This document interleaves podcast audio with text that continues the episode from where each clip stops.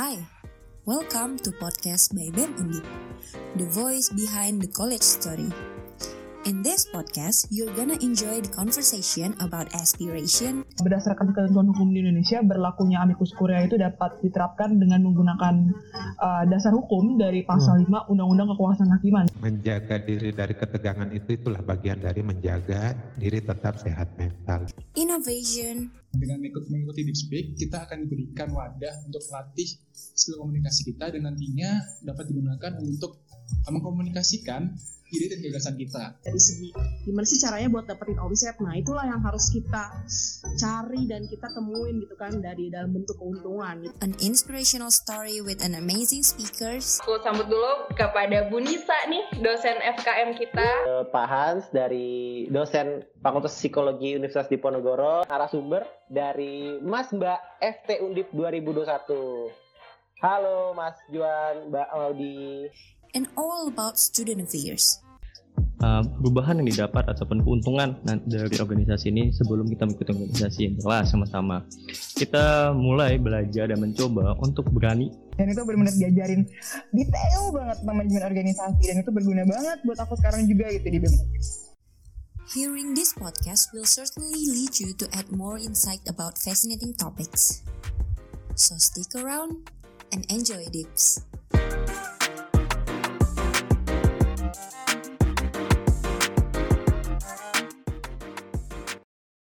Dips, kembali lagi di podcast by BEM Undip Bersama aku Ila. Hari ini aku mau bahas soal kaum marginal. Nah teman-teman uh, tahu nggak sih kata kaum marginal itu apa sebenarnya?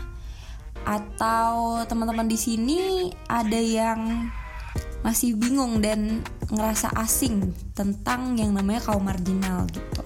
Um, kalau sepengetahuan aku sih ya kaum marginal itu bisa dibilang sebagai uh, kaum terpinggir uh, kaum terpinggirkan difabel yatim fakir miskin dan semacamnya gitu. Dan sebenarnya emang kalau menurut aku penggunaan kata marginal ini masih terlalu asing di telinga masyarakat luas gitu. Walaupun sebenarnya orang-orang tahu nih tentang kaum difabel yatim fakir dan semacamnya gitu Nah, um, ngomong-ngomong soal kaum marginal nih teman-teman, hari ini aku udah kedatangan dua narasumber yang bisa kita kita ajak ngobrol soal kaum marginal nih. Di sini ada Kak Bless Uh, halo Kak Bles. Halo Ila. Oke, uh, boleh dong Kak Bles kenalan nih sama Dips. Boleh dong. Uh, Halo semuanya. Uh, Nama aku Blesita Andari. Aku biasa dipanggil Bles. Nah di sini di Beri Harapan Indonesia Aku diberikan tanggung jawab sebagai Director of Projects and Operation Salam kenal semuanya. Oke, salam kenal Kak Bles. Jadi di sini kita kedatangan uh, narasumber dari Beri Harapan Indonesia, teman-teman. Dan di sini kita juga kedatangan satu narasumber lagi dari uh, BEM Undip nih. Jadi dari bidang Sosmas BEM Undip. Ada Farid di sini. Halo Farid. Halo Kak. Halo, boleh kenalan dong Farid. Oke, kenalin aku Farid dari Sosmas BEM Undip sebagai penanggung jawab broker chat yang mana outputnya itu komunitas Jentera Asa. Aku leader di komunitas Jentera Asa. Salam kenal semuanya. Oke, salam kenal Farid. Nah, uh, jadi selain tadi dari Beri Harapan, kita juga ada narasumber dari sosmesnya BEM Undip, uh, yaitu uh, Farid dari project leadernya Jentera Asa nih gitu. Sebelum mungkin nih teman-teman rada bingung kan kayak apa sih jentera asa atau apa sih uh, beri harapan gitu? Mungkin kita bisa ngobrol-ngobrol dulu tentang kaum marginal nih sama Kak Bles sama Farid di sini. Um, Kak Bles dan Farid aku mau tahu dong sebagai orang awam ya yang tidak ta tidak terlalu tahu nih soal kaum marginal. Sebenarnya kalau menurut Kak Bles dan Farid sendiri sebenarnya kaum marginal itu apa dan seperti apa sih gitu. Mungkin boleh dari Kak Bles dulu nih. Oke, okay, thank you Ila. Uh, jadi kalau menurut aku ya, sebenarnya tuh kita agak sulit juga sih untuk mengartikan uh, arti marginal itu sendiri ya. Nah, uh, mungkin aku juga di sini nggak mau sebut sebagai kaum gitu, tapi uh, lebih ke kelompok kelompok marginal. Nah, uh, kalau misalkan secara ekonomi kita bahas dari ekonomi, mungkin uh, kelompok marginal ini bisa diartikan uh, adalah sekelompok orang yang kurang beruntung gitu, bisa ter, bisa dibilang tergolong miskin atau uh, mereka yang masih belum bisa mencukupi kebutuhan hidup mereka sehari-hari, walaupun mereka udah bekerja sepanjang waktu gitu. Nah, um, seperti contohnya ya, um, mereka itu hanya bisa mencukupi setengah atau lebih dari kebutuhan pokok dirinya sendiri dan juga keluarga yang ditanggung gitu. Nah, aku mau kasih contoh misalkan seorang buruh pabrik. Buruh pabrik itu misalkan di satu bulan gajinya dia di UMR di 4,4 juta, tapi uh, dia harus menghidupi istri, uh, mungkin tiga anak dan juga orang tuanya gitu ya. Nah, sedangkan kebutuhan mereka itu sekeluarga untuk bayar sekolah anak, untuk uh, makan bergizi sehari-hari, untuk uh, membayar mungkin kontrakan, itu membutuhkan uang 6 juta sehingga gajinya dia yang 4,4 juta itu kan gak cukup ya untuk memenuhi kebutuhannya. Nah, di sini kalau secara ekonomi ini bisa digolongkan sebagai kelompok marginal gitu. Nah, tapi uh, beda lagi nih kalau dilihat dari secara politik kalau misalkan dilihat dari secara politik, marginal itu bisa uh, diartikan sebagai sekelompok orang yang mungkin terpinggirkan gitu, atau eh, kelompok-kelompok uh, yang uh, memiliki kedudukan rendah atau di bawah gitu. Misalnya kayak kaum kaum-kaum perempuan yang uh, waktu zaman dulu mungkin masih belum ada hak untuk berbicara gitu. Nah, uh, kemudian juga ada fakir dan juga mungkin difabel yang masih uh, memiliki kedudukan rendah atau mungkin kadang jarang dipandang gitu oleh masyarakat. Nah, itu juga bisa disebut dengan uh, kom, uh, kelompok marginal. Nah, uh, kemudian kalau dari Beri Harapan sendiri kita ngelihat uh, kelompok marginal ini juga agak beda nih Ila gitu. Jadi kalau dari Beri Harapan sendiri, setelah kita berdiskusi cukup panjang, itu akhirnya kita uh, mem membagi ke dalam beberapa klasifikasi kelompok gitu ya. Yang pertama itu adalah um, mereka yang masih belum adanya distribusi yang adil dari pemerintah setempat. Yang kedua, uh, satu daerah yang tidak memiliki sesuatu yang bisa diproduksi. Yang ketiga itu uh, lebih ke aksesibilitas yang susah atau jauh dari uh, sentral kota Nah, yang keempat itu close to dangers and disasters atau mereka yang uh, tinggalnya itu dekat dengan bahaya atau bencana alam sehingga berpotensi menyebabkan kerugian besar nih apabila bencana alam terjadi gitu. Atau yang kelima itu uh, mereka yang masih belum bisa memenuhi kebutuhan primer seperti sandang, pangan dan juga papan gitu. Jadi akhirnya Beri Harapan Indonesia sendiri mengartikan ke lima poin tersebut gitu. Menarik nih. Uh, sebelum uh, kita bahas lebih jauh, mungkin aku mau uh, tahu pendapat dari Farid sendiri. Gimana sih Rid? Oke, okay. um, sebelumnya aku jadi bingung ya harus jelasin bagian mana. Soalnya udah jelas banget nih dari Kak Bles ya mungkin aku nambahin ya kalau dari pandangan kami sendiri marginal itu benar tadi yang terpinggirkan. Mereka itu terpinggirkannya bukan dari segi ekonomi saja ya seperti yang tadi dibilang Kak Bless mereka yang terpinggirkan dari segi sosial politik budaya itu juga bisa dikategorikan sebagai kelompok marginal ya. Nah tetapi di sini ternyata setelah aku belajar lebih dalam ya setelah berdiskusi dengan pembinaku di Sosmas ternyata marginal itu bisa kan aku pikir marginal itu dari orang lain ke kita menganggap kita marginal bahwa kita tuh terpinggirkan dari orang lain gitu kan. Dah ternyata setelah berdiskusi bahwa dari diri sendiri pun bisa memarginalkan diri gitu. Contohnya misalkan kita tuh berkecukupan gitu secara ekonomi tetapi di pikiran kita masih menginginkan bantuan sosial dari orang lain kayak gitu-gitu mereka masih mikir saya masih kurang saya masih belum sanggup padahal kenyataannya mereka sanggup memenuhi itu gitu mungkin itu sih yang bisa aku jelasin ya karena tadi udah jelas banget dari Kak Bless ya. Oke oke. Nah uh, menarik uh, pengertian kaum marginal dari uh, teman-teman di harapan sama uh, Jentera Asa gitu ya. Nah uh, aku mau tahu nih kenapa sih gitu ya kita itu perlu memperhatikan uh, teman-teman yang berada di kelompok marginal nih Kak Bless. Oke, nah uh, kalau dari Beri Harapan sendiri, sebenarnya kita memang uh, memiliki visi dan misi untuk memberdayakan uh, kelompok marginal gitu atau memberdayakan orang-orang yang termasuk ke dalam uh, economically vulnerable groups atau keterbelakangan ekonomi gitu. Nah, tujuannya apa? Sebenarnya uh, tujuannya adalah supaya uh, kita semua bisa merdeka gitu dari uh, kemiskinan. Terus uh, mungkin dari kelompok-kelompok sosial atau komunitas sosial ini nggak bisa bantu secara full ya, karena kita juga mungkin memiliki keterbatasan masing-masing gitu. Tapi at least uh, mereka itu uh, bisa merasakan kepedulian dari kita, merasakan kebaikan-kebaikan yang kita tebar gitu untuk mereka gitu sehingga nanti harapannya mereka pun juga bisa berdaya dan akhirnya mereka bisa resilience atau bisa bangkit gitu dari uh, vulnerability mereka atau dari uh, kemarginalan mereka gitu. Dan akhirnya mereka bisa bertahan hidup seperti itu sih tujuan uh, dari beri harapan sendiri. Oke, berarti kalau dari beri harapan sendiri itu fokusnya lebih ke ekonomi ya kak ya? Ya betul, kita lebih ke economically vulnerable groups. Oke, nah kayaknya ini sedikit berbeda nih dari teman-teman Jentera Asa yang kalau aku lihat uh, berfokusnya lebih ke pendidikan. Nah, gimana tuh Rit? Oke, betul betul banget kak. Kalau di Jentera Asa itu ya kita fokusnya di pendidikan Mengapa? Karena kita juga berangkat dari divisi Edufair ya, edukasi dan pelayanan publik, di mana di sana kita fokus pada pemerataan pendidikan. Karena nggak mungkin juga kita memeratakan seluruh Indonesia, kita fokus di daerah Semarang, yang mana mirisnya kota Semarang yang merupakan ibu kota Jawa Tengah itu ternyata masih banyak yang kelompok marginal dari segi pendidikan gitu kak. Untuk dari base camp Jentera Asa sendiri itu di Kelurahan Wonoplumbon. Nah, dari segi ekonomi sebenarnya kelurahan itu udah cukup baik ya.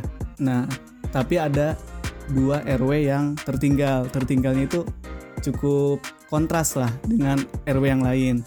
Kita di sana di RW 3 kita berusaha untuk menyamakan minimal dengan RW yang lainnya dari segi pendidikan, tapi fokus kita itu lebih ke soft skills, bagaimana cara mereka ke depannya agar bertahan hidup lebih baik dari generasi sebelumnya. Karena di sana itu kasusnya itu bukan hanya dari pendidikannya yang rendah ya, maksudnya kayak mereka yang telat belajar membaca atau menghitung, tetapi banyak kenakalan remaja yang sulit untuk diatasi gitu ya. Jadi dari Jentera Asa sendiri kita bergerak ke anak usia sekolah dasar karena kami rasa itu lebih mudah untuk mengarahkan gitu. Jadi harapannya um, dengan mereka belajar dengan kita itu ke depannya lebih baik dan bisa mencontohkan kepada generasi penerusnya. Karena dari Jentera Asa sendiri itu nggak yang hit and run gitu kan jadi tujuannya kita um, jangka panjang lah di situ sampai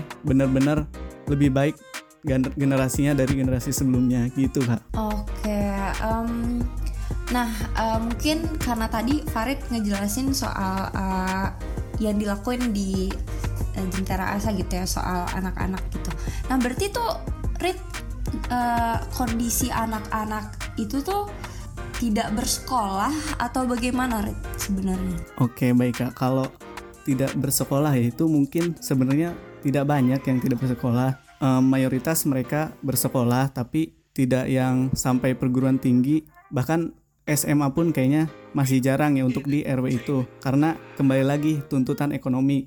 Mereka lebih diarahkan untuk bekerja ya oleh orang tuanya. Dan mungkin kesadaran dari mereka juga ya karena ekonomi keluarganya kurang mampu bisa dikatakan. Jadi mereka berusaha untuk memenuhi kekurangan tersebut. Gitu kak. Nah jadi Jentera Asa di sini membantunya uh, dari segi pendidikan gitu ya. Dan ngajarnya itu dari tingkat SD sampai ke tingkat SMA atau gimana Rit? Kalau dari Jentera Asa sendiri fokusnya itu di anak usia sekolah dasar. Tapi jika ya satu dua orang ada yang di bawah usia sekolah dasar dan di atas sedikit yaitu paling kelas 7 SMP sih. Mungkin aku mau beralih dulu nih ke uh, beri harapan gitu. Tadi uh, tadi kan Farid itu dari Jentera Asa uh, ya memang karena uh, itu bagian dari prokernya Sosmas gitu kan ya kak Nah kalau beri harapan sendiri nih kak, aku sih sebenarnya agak penasaran gitu. Awal mula kenapa beri harapan ini terbentuk gitu. Uh, yang mana kan ini kalau beri harapan sendiri emang lembaga non profit gitu ya kak ya. Nah itu gimana kak kira-kira ceritanya? Oke, jadi mungkin aku bahas sedikit dulu uh, perbedaan dari Jentera Asa juga kali ya uh, ke BHID. Nah kalau dari beri harapan sendiri itu sebenarnya uh, kita lebih luas sih targetnya karena kalau di Jentera Asa mungkin fokusnya ke pendidikan gitu. Nah kita karena kelompok marginal jadi uh, yang termasuk dalam uh, kelompok uh, marginal itu kan banyak ya. Nah, jadi kita memang tidak uh, memfokuskan hanya ke pendidikan aja gitu, tapi lebih luas gitu. Nah, sebenarnya kalau untuk asal mulanya beri harapan itu uh, terbentuknya karena kita ada 8 orang foundernya. Nah, kita juga uh, kuliah di satu kampus yang sama nih dan jurusan yang sama. Kita uh, dulu kuliah di HI Universitas Brawijaya di Malang. Jadi kita tuh sebenarnya berdelapan ini gak terlalu deket gitu di perkampusan. Cuma sebatas kenal-kenal aja. Nah, sampai akhirnya kita berdelapan ini dapat kesempatan untuk ambil percepatan skripsi. Jadi kuliahnya cuma tiga setengah tahun gitu. Nah akhirnya ketemu nih berdelapan di satu uh, intinya project yang sama gitu ya project yang sama. Nah, uh, abis itu kita uh, lulus bareng nih, sidang bareng dan lulus bareng. Dan kita berdelapan ini memutuskan untuk pulang ke Jakarta lebih dulu daripada teman-teman yang lain, gitu. Nah, uh, ketika kita mau pulang nih ke Jakarta, akhirnya kita juga mikir gitu kayak barang-barang kita yang di Malang itu mau dikemanain? Gak mungkin karena kalau dibawa ke Jakarta semua kan uh, biayanya juga lumayan berat gitu kan. Nah akhirnya kita memutuskan waktu itu untuk menyumbangkan semua barang-barang kita tuh ke yayasan difabel di Malang waktu itu. Nah uh, terus habis itu kita juga kumpulin nih kertas-kertas bekas skripsi, kertas-kertas bekas revisian uh, yang dulu kan kita offline ya, jadi mungkin uh, waktu sidang dan lain-lain tuh masih nyerahin kertas-kertas gitu ke dosen. Nah itu banyak banget dan kita sampai uh, ngumpulin juga ke teman-teman seangkatan dan kekumpul 400 kiloan gitu. Nah 400 kilo ini akhirnya kita jual. Nah terus dapat uang sekitar 4 juta Nah uang 4 juta ini yang jadi modal pertama kita buat bikin project sosial gitu Nah akhirnya 4 juta ini kita belikan uh, banyak ada makanan Terus ada uh, seragam Ada alat-alat sekolah buat anak-anak difabel gitu di Malang. Long story short, kita semua akhirnya balik ke Jakarta. Nah, tiba-tiba antusias teman-teman kita di sosmed, karena kan kita juga share ya ke sosmed gitu. Nah, itu tuh lumayan suportif gitu buat kita sendiri kayak uh, mereka tuh pada bales-balesin aku kayak di DM Bless lanjutin dong galang dananya lanjutin dong donasinya. Kita uh, ready to help nih gitu mau bantu Nah akhirnya akhirnya aku sama teman-teman aku nih ketujuh teman aku yang lain akhirnya setuju nih kita komitmen untuk uh, menjadikan uh, komunitas ini menjadi komunitas yang lebih serius gitu. Uh, terutama kita juga punya visi misi yang sama gitu untuk uh, bantu menebar kebaikan gitu tanpa adanya keuntungan nih buat diri kita sendiri kan. Uh, dan yang paling terutama itu kita juga dapat support dari lingkungan gitu. Nah akhirnya ya udah terbentuklah BHID dengan tujuan memang untuk uh, menargetkan uh, economically vulnerable groups itu menjadi target kita gitu. Setelah kita berdiskusi panjang lebar dan sekarang udah makin berkembang. Sekarang membership udah ada 50 orang gitu. Gitu sih kalau buat asal mula beri harapan. Sebuah sejarah yang sangat panjang sekali ya sampai bisa ada di titik ini keren keren. Um, dan berarti ini udah berapa tahun kak kalau uh, beri harapan sendiri? Kita dari 2020 awal jadi sekarang udah masuk tahun ketiga. Wah oke okay. tahun ketiga. Berarti mulainya itu juga waktu covid ya kak ya? Benar Januari 2020 pas banget tuh mau covid waktu itu. Sebenarnya karena visi misi yang sama sih. Nah waktu itu emang kita uh, berdelapan ini ternyata punya visi misi yang sama gitu. Karena mungkin kita nggak deket kan di kampus jadi kayak jarang cerita cerita gitu. Pas pulang ke Jakarta Jakarta malah uh, ternyata punya visi misi yang sama nih. Suka suka buat ngelakuin kegiatan sosial terus juga maksudnya suka uh, buat bikin orang lain tuh senyum gitu. Kita juga punya punya komplit gitu hatinya jadi full gitu untuk melihat orang lain tersenyum. Jadi karena visi misi yang sama itu jadilah tuh terbentuk satu organisasi sosial BHID Wah asik sekali luar biasa. Oke, okay, um, cool cool karena kebetulan aku juga orang yang cukup concern sih sama kegiatan kegiatan-kegiatan sosial gitu kan. Jadi uh, menarik banget sebenarnya si beri harapan ini gitu begitu juga sebenarnya jentera asa gitu um, mungkin tapi mungkin kalau Jentera Asal lingkupnya di Universitas Undip gitu ya. Sedangkan kalau Beri Harapan itu aku lihat udah lebih gede dari Jentera Asa gitu. Nah um, kalau dari Beri Harapan sendiri nih kak sejauh ini udah sampai mana sih kak uh, kegiatan-kegiatan yang dilakukan gitu? Kalau untuk lokasi sih kita biasanya di, uh, melakukan project itu di Jabodetabek Terus uh, waktu tahun 2020 kita pernah ada project juga di Malang dan November nanti kita mau ke Sumba. Doain ya semuanya. wow, keren banget. Oke. Okay. Itu ke Sumba uh, apa Kak kegiatannya? Uh, jadi sebenarnya ini juga ada salah satu uh, indikator pendidikannya juga sih. Mungkin bisa relate juga sama Jentrasa dan mungkin nanti bisa kerja sama juga di lain kesempatan gitu ya. Jadi bulan November itu kita uh, emang udah ada uh, niat dan plan juga untuk membangun satu infrastruktur sekolah dan juga pengadaan fasilitas untuk salah satu sekolah gitu di sana. Namanya Yayasan Kalola Maripa. Itu letaknya di Sumba Barat Daya gitu. Nah, uh, rencananya sih kita mau uh, ke sana itu di bulan November akhir gitu. Uh, yang pertama paling uh, mau ada sedikit sesi sama anak-anaknya gitu ya untuk uh, berinteraksi sama mereka. Kemudian juga mungkin kita bakal uh, fun learning gitu bersama mereka. Nah, kemudian yang terlebihnya lagi untuk membantu mereka secara jangka panjang itu kita mau memperbaiki fasilitas sekolahnya sih. Oke, okay, wow, oke okay, oke. Okay keren keren.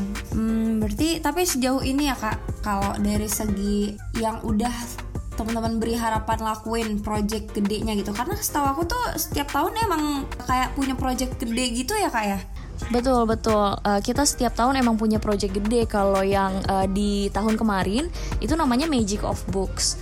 Jadi uh, kita bikin lima perpustakaan di lima lokasi yang berbeda gitu. Biasanya sih di panti-panti asuhan gitu. Jadi kita bikin mini library gitu buat anak-anak bisa baca gitu.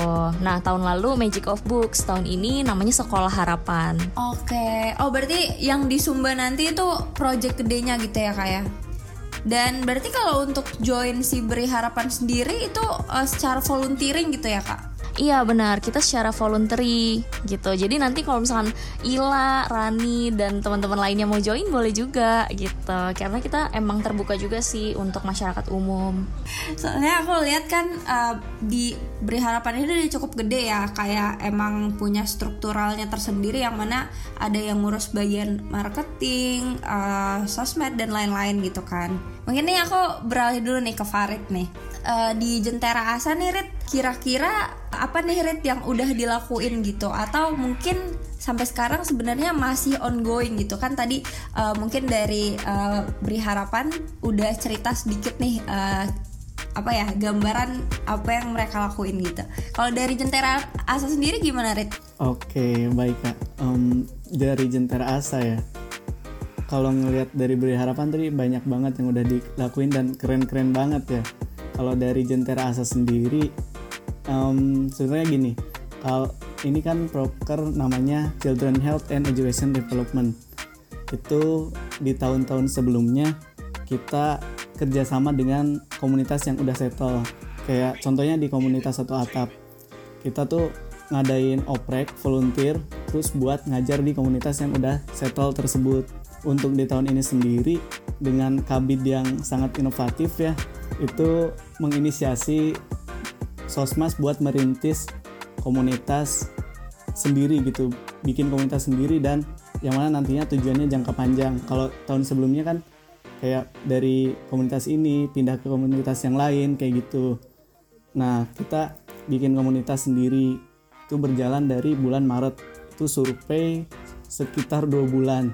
Itu kita survei ke daerah. Di Tembalang juga ada waktu itu ke daerah dekat Mula Warman situ terus ada di Banyumanik terus yang terakhir nih di Mijen kita waktu itu ke tiga desa kelurahan ya ada ke Wonoplumbon, Wonolopo dan Kedung Pane. Nah kita memilih Wonoplumbon berdasarkan kesepakatan dengan pembina ya, yang mana di situ masalahnya ternyata bukan dari pendidikan doang, tapi karakter si anak ini juga perlu dibenahi di, di sana banyak banget kayak kasus kenakalan remaja itu bukan yang sekedar mungkin mereka ngerokok atau gimana gitu ya. Ini sampai ke ranah di sana beberapa kali terjadi kasus pemerkosaan kak. Nah yang bikin kagetnya pemerkosaannya itu korbannya di bawah umur dan pelakunya pun di bawah umur. Cuman dari segi penanganannya sendiri orang tua itu lebih memilih jalan damai kak. Maksudnya kayak ya udahlah ada asal bayar segini tuh selesai, nggak mau diusut tuntas sampai pelakunya dihukum gitu. Nah jadi dari situ kita dan pembina juga menyarankan itu lebih baik di situ. Seenggaknya kita bisa menanamkan ke anak-anak bahwa hal-hal ini tuh nggak baik.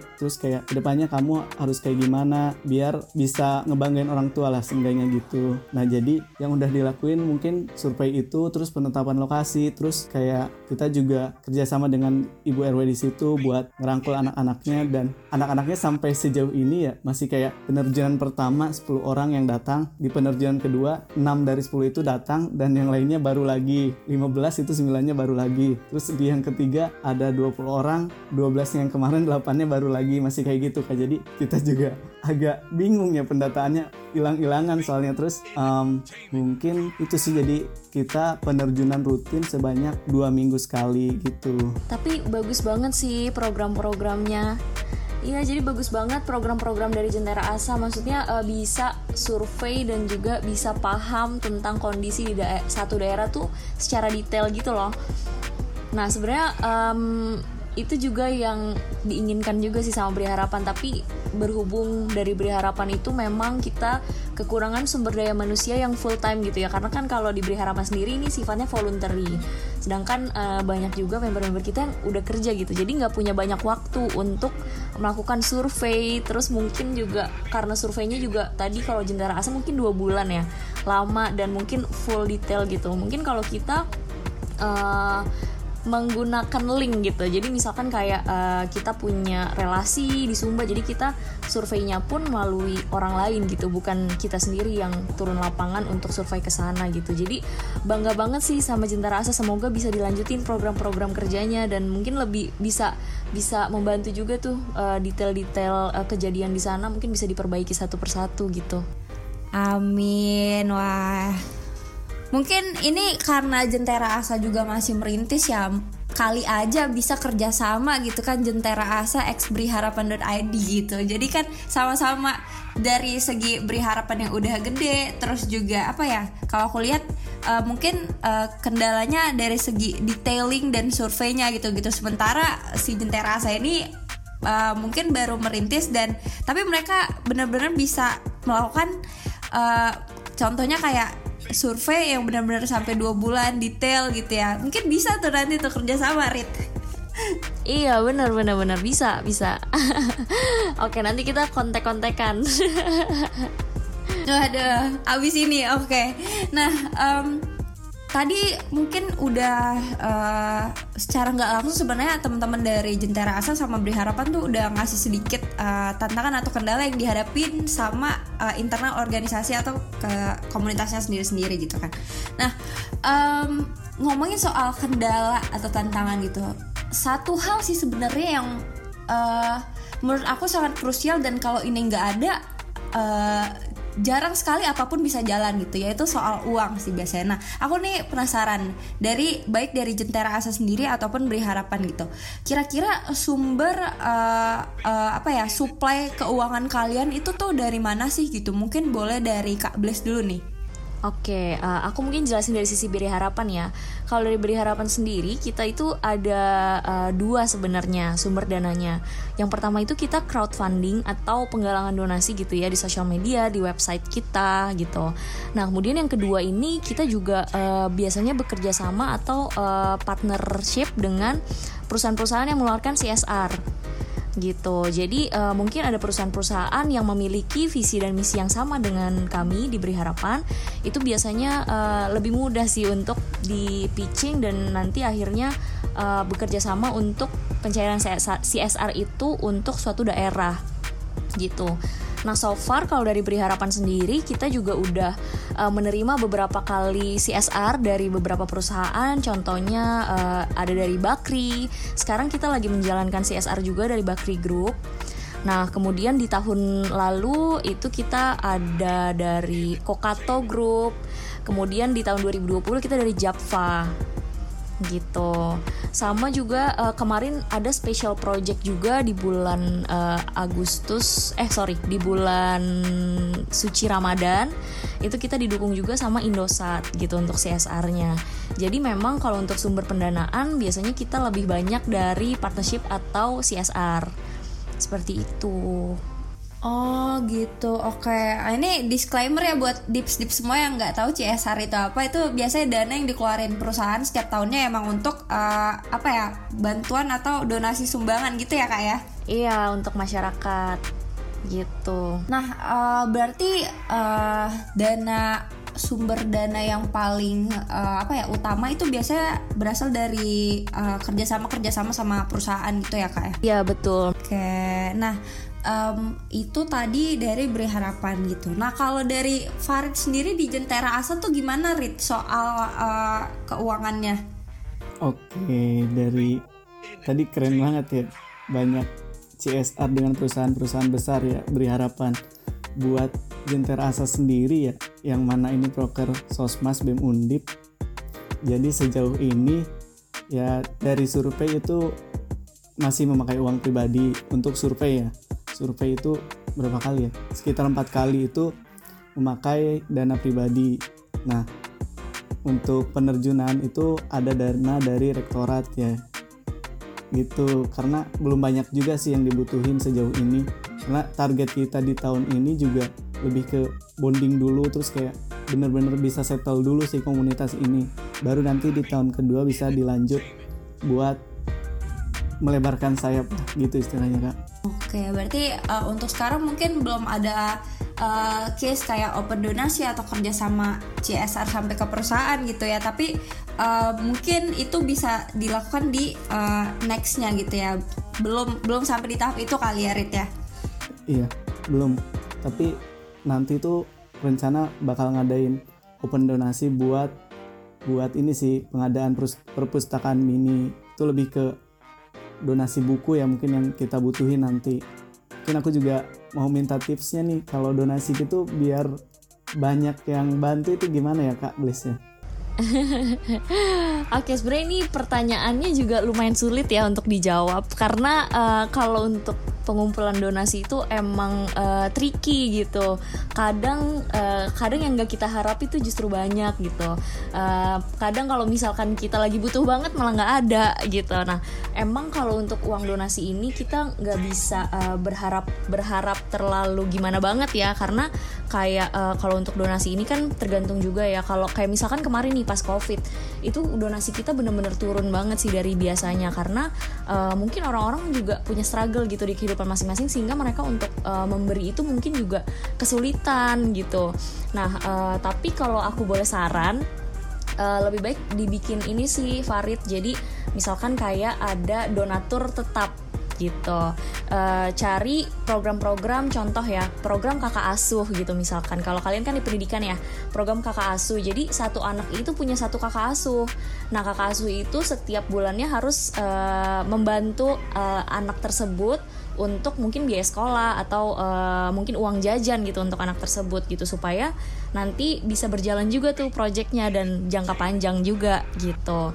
Nah, atau uh, sebenarnya kalau untuk crowdfunding juga agak tricky-nya karena uh, dari organisasi aku sendiri ya diberi harapan itu kan kita masih belum yayasan ya kita masih bersifat komunitas. Sedangkan sekarang itu untuk crowdfunding atau pengumpulan donasi itu lumayan diperketat juga sih sama pemerintah gitu.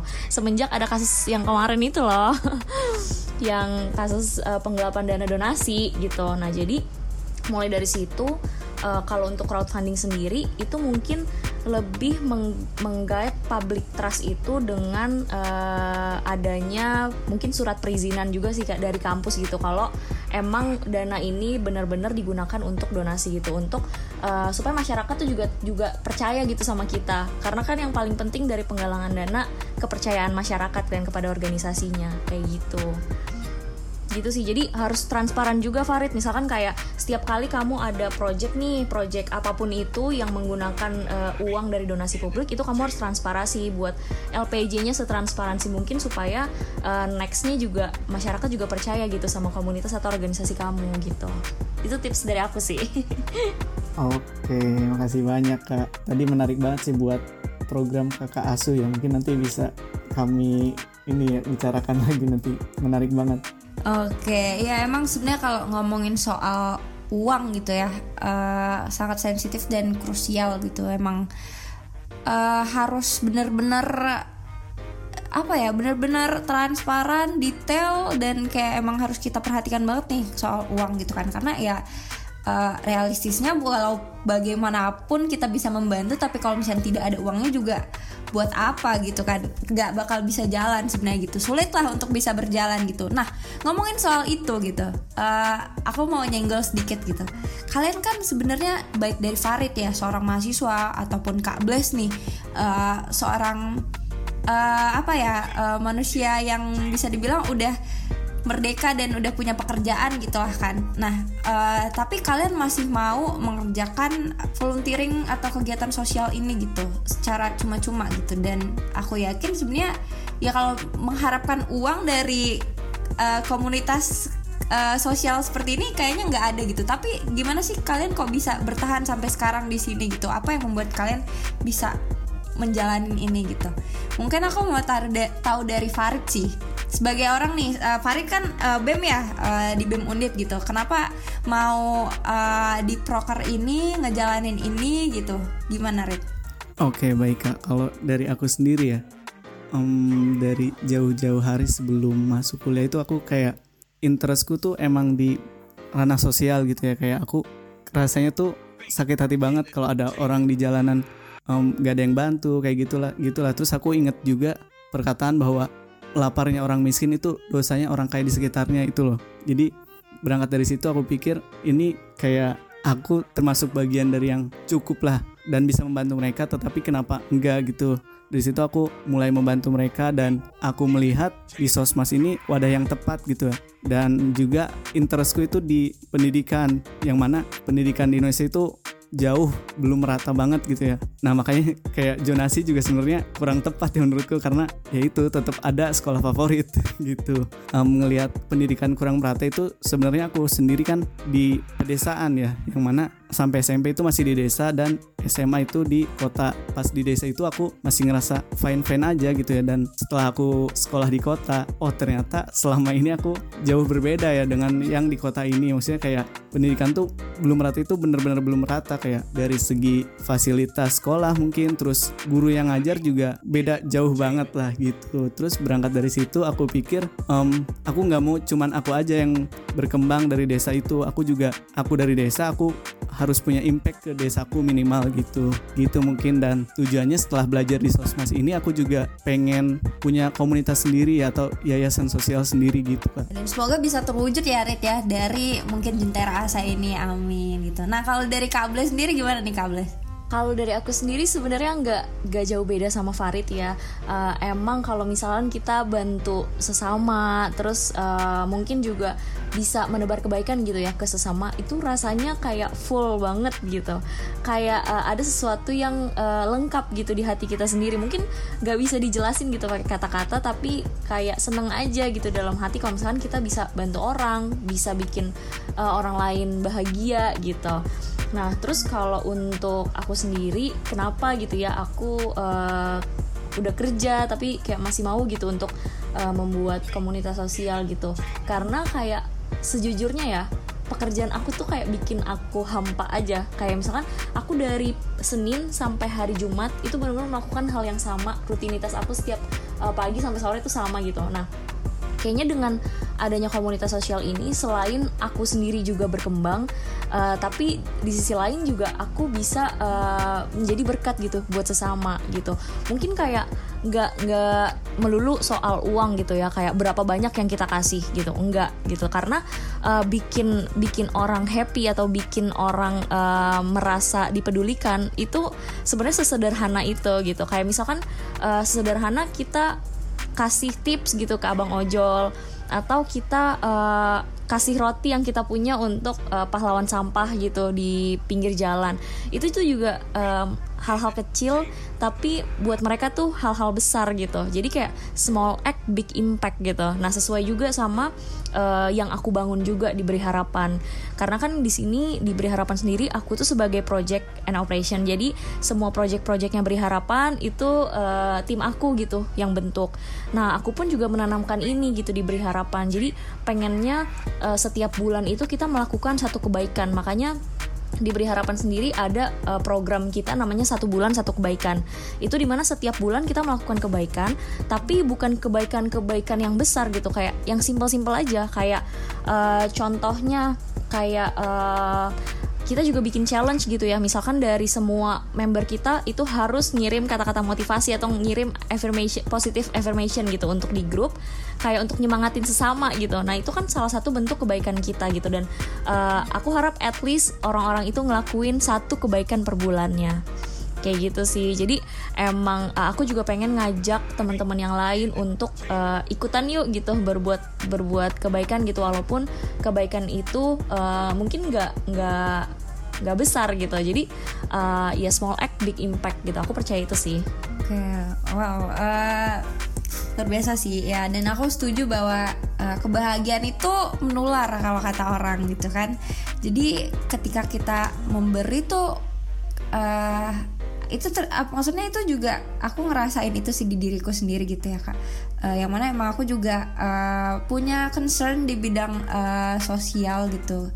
Uh, mungkin kayak volunteering atau volunteering ngajar atau kayak berbagi donasi atau kayak mungkin bantu uh, ketika ada yang lagi kena musibah bencana alam gitu. Dan ngelihat orang uh, turut happy gitu ngerasanya ya kita yang lagi sebenarnya hidupnya biasa-biasa aja malah jadi kayak kebawa gitu happynya nular gitu. Kayak wah gitu. Dan bener sih kata Kables tuh ada rasa yang nggak bisa diungkapin sama kata-kata gitu. Iya benar-benar karena gini sih aku percaya gini uh, misalkan nih kayak kita keterbatasan di secara dana gitu tapi kita masih punya tenaga masih punya pikiran buat uh, bantuin orang lain dengan tenaga kita atau dengan pikiran kita kayak ya itu juga nggak masalah gitu uh, tapi kalau misalnya kita punya rezeki banyak kita mau menolong orangnya menggunakan uh, rezeki yang kita punya itu juga nggak salah gitu karena nggak ada kebaikan yang salah. Kalau menurut aku kayak gitu. Benar-benar setuju banget setuju banget. Wow oke okay, oke. Okay. nah uh, karena tadi udah ngomongin soal kebaikan gitu ya um, nah dari uh, teman-teman komunitas beri harapan dan jentera asa sendiri nih kira kira-kira uh, project yang paling deket yang kalian lakuin tuh apa sih gitu aku penasaran tuh siapa tahu aku bisa ikut berkontribusi nih di project-project temen-temen nih gitu mungkin bisa dari kak Bless nih gimana kak Oke, nah ini aku semangat banget nih kalau ngomongin project terdekat ya. Jadi di bulan Agustus ini nanti dalam rangka menyambut Hari Kemerdekaan Indonesia juga ya yang ke-77. Jadi beri harapan itu akan merayakan kemerdekaan nih bersama para anak-anak uh, terus ibu-ibu PKK di, di uh, daerah Bekasi. Nah, kemudian uh, juga kita juga akan ngundang para komunitas lainnya gitu ya untuk datang ke rumah pelangi. Nah, rumah pelangi itu apa sih? Gitu pasti kalian penasaran kan? Nah, rumah pelangi ini sendiri itu adalah satu perpustakaan atau taman belajar untuk anak-anak uh, di daerah Bekasi, di daerah Kabupaten Babelan gitu. Nah, Rumah Pelangi ini buka kelas-kelas gratis nih buat anak-anak. Uh, yang pertama ada anak-anak jalanan, terus yang kedua juga anak-anak yang tinggal di daerah uh, Kabupaten Babelan itu secara gratis gitu. Mereka juga buka sanggar tari, buka kelas-kelas gratis gitu setiap minggunya. Nah, kita rencananya mau ke sana, mau ngerayain kemerdekaan bareng sama anak-anak di sana gitu. Mungkin kita bakal ngadain upacara bendera karena udah lama banget sih aku nggak upacara. Pasti kalian juga udah lama kan nggak upacara Nah, terus uh, kita mau adain lomba-lomba 17 Agustusan kayak balap kelereng, terus balap karung sama anak-anak di sana. Terus nanti uh, juga ada makan siang bersama sama anak-anak di sana. Kayak gitu sih uh, project terdekat di bulan Agustus. Wah, seru banget. Dan ini uh, masyarakat umum boleh join ya, Kak ya? Boleh dong, kalau teman-teman mau join boleh banget. Oke, mungkin teman-teman nih yang lagi dengar yang mungkin sekiranya di tanggal 17 nanti di ada di daerah Bekasi dan sekitarnya gitu boleh banget nih join ke rumah pelangi gitu. Iya boleh. Nanti tinggal DM aja ke Instagram kita di @beriharapan.id. Oke, jangan lupa sekalian di follow ya kak ya. Iya dong. Nah, eh, ngomongin soal lomba nih, tadi eh, kalau nggak salah denger juga dari Jentera Asa kayaknya bakalan mau buat lomba nih gimana tuh Rit? Untuk project terdekat ya kita juga gak beda jauh nih sama beri harapan ya dari Jentera Asa sendiri itu kita mau ngadain lomba yang mana collab sama FGMMI. FGMMI itu Forum Gerakan Mengajar Mahasiswa Indonesia. Nah itu bagian dari BMSI. Mereka wilayah Jateng itu kurang lebih Semarang, terus Magelang dan Purwokerto itu kerjasama dengan kita. Nah, jadi nantinya kita juga bakalan ngadain lomba-lomba 17-an lah yang ya buat anak-anak kecil gitulah. Tapi bedanya kita gak upacara bersama nih gitu nggak mungkin. Oke, dan itu di mana Rit? Eh, kegiatannya bakal dilaksanain? Buat kegiatannya sendiri di base camp kita ya di Kelurahan Wonoplumbon, Kecamatan Mijen. Nah mungkin buat teman-teman yang denger nih boleh banget kalau mau join meramaikan boleh banget bisa DM juga ya ke Instagram kita juga nih di @jenteraasa. Jangan lupa di follow juga ya. Berarti teman-teman yang denger jangan lupa untuk follow beriharapan.id sama Jentera Asa. Jadi kalau misalnya nanti yang dengar kira-kira lagi ada di sekitar Mijen atau Bekasi gitu, boleh tuh melipir ke sana, meramaikan gitu. Karena emang kayaknya kita udah lama ya nggak ngeras nggak ngerasain dan uh, apa ya uh, ikut kontribusi di uh, acara 17-an lomba-lomba gitu nggak sih? Karena kayak dua tahun belakang kita apa-apa tuh online gitu kan. Uh, karena emang sedang pandemi juga gitu. Jadi kali ini karena udah sedikit renggang soal uh, pandemi gitu ya udah mulai mereda covidnya. Jadi ini waktu yang tepat untuk bisa kembali lagi memeriahkan acara 17-an gitu. Sekaligus uh, merayakan kemerdekaan Indonesia gitu. Nah mungkin ini terakhir sih dari aku gitu ya. Ngomongin soal merdeka kemerdekaan merdeka gitu. Nah dari teman-teman narasumber sendiri nih uh, makna merdeka bagi teman-teman yang berasal dari background komunitas sosial sendiri itu apa sih gitu mungkin boleh nih dari Farid dulu gimana Rit? Oke ngomongin merdeka ya cocok dengan bulan ini ya makna merdeka sendiri itu kurang lebih kebebasan ya yang mana kita sebagai pribadi yang merdeka itu bebas memeluk agama apa pun bebas untuk melakukan apa pun tetapi dengan batasan tertentu tentunya mengikuti hukum yang ada gitu mungkin. Terus sebenarnya merdeka itu bukan dari kita secara fisik bebas gimana pun tapi cara pikiran juga itu kita bahkan gini aku pernah denger seorang filsuf stoa itu mereka di penjara tapi selama pikirannya bebas itu mereka tetap merdeka. Pikiran merdeka mereka merdeka mereka di penjara tapi mereka bisa mikirkan bahwa kalau mereka tuh sedang di mall kah atau apa itu juga salah satu dari makna merdeka itu sendiri sendiri ya. Kalau untuk komunitas sosial sendiri, merdeka itu ya kita bisa melakukan apa pun bantuan memberikan bantuan kepada siapa pun tanpa adanya suatu ini ya apa tekanan dari seseorang gitu. Jadi kita independen kembali lagi gitu mungkin kak. Oke, apalagi nih komunitas sosial gitu ya harus independen dan strong dan bisa merdeka. Oke, okay, thank you Farid. Nah, kalau dari Kak Bless gini gimana Kak? Oke, okay, kalau dari aku sendiri sebenarnya uh, aku bersyukur banget ya karena kita udah dikasih kemerdekaan uh, dari mungkin pejuang-pejuang bangsa yang udah gugur gitu ya mendahului kita.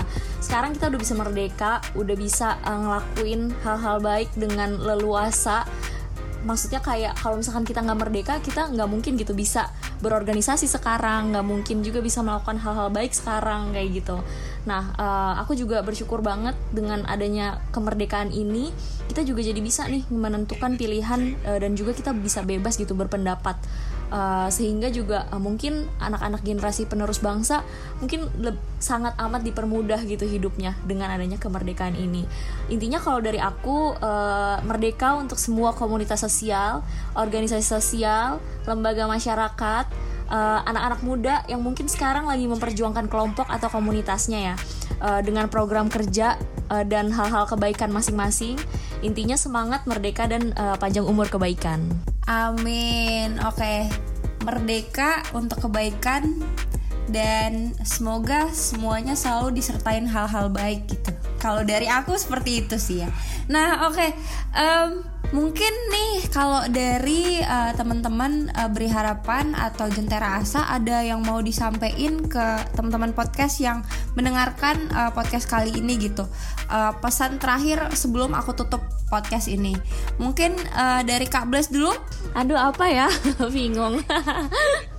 Aduh, mungkin uh, aku mau sampaikan juga sih kayak uh, jangan berhenti buat ngelakuin kebaikan di mana pun uh, kalian berada. Mungkin yang denger dari Sabang sampai Merauke, uh, jangan khawatir kalau misalkan uh, kalian uh, punya rezeki yang lebih, kemudian punya tenaga yang lebih gitu, mungkin bisa juga uh, dilakukan untuk berbuat kebaikan gitu buat di sekitar kalian. Gak perlu yang besar-besar kayak de cukup dengan menyapa sesama setiap pagi, kasih semangat ke orang-orang terdekat itu juga uh, bisa uh, termasuk kebaikan gitu. Ingat small act big impact. Oke, okay, small act big impact. Aku ingat sekali sekarang itu. Oke, okay, kalau dari Farid gimana Rit? Last word nih sebelum ditutup podcastnya. Kalau dari ku pribadi ya, closing statement ya jatuhnya ya. Oke, okay, kalau closing statement sendiri, betul apa kata Kak Bless tadi, kita lakukan kebaikan di mana pun kita berada dan sekecil apa pun ya. Ya kalau kita nggak punya uang kita bisa tadi sumbangkan tenaga dan pikiran. Intinya bikin orang happy ada ruginya dan pasti impact ke kitanya bakalan happy juga kok. Gitu mungkin ya kak. Jadi tetap lakukan kebaikan. Oke dan apa yang kita tanam? Itu yang kita? Tuai. Lupa ya Ila. Tuai oke Oke, okay, aku takut salah gitu kan. Nah, oke okay, teman-teman uh, dari Beri Harapan, Kak Bles, uh, teman-teman Jentera Asa, Farid, makasih banyak udah mau ngobrol-ngobrol nih di podcast.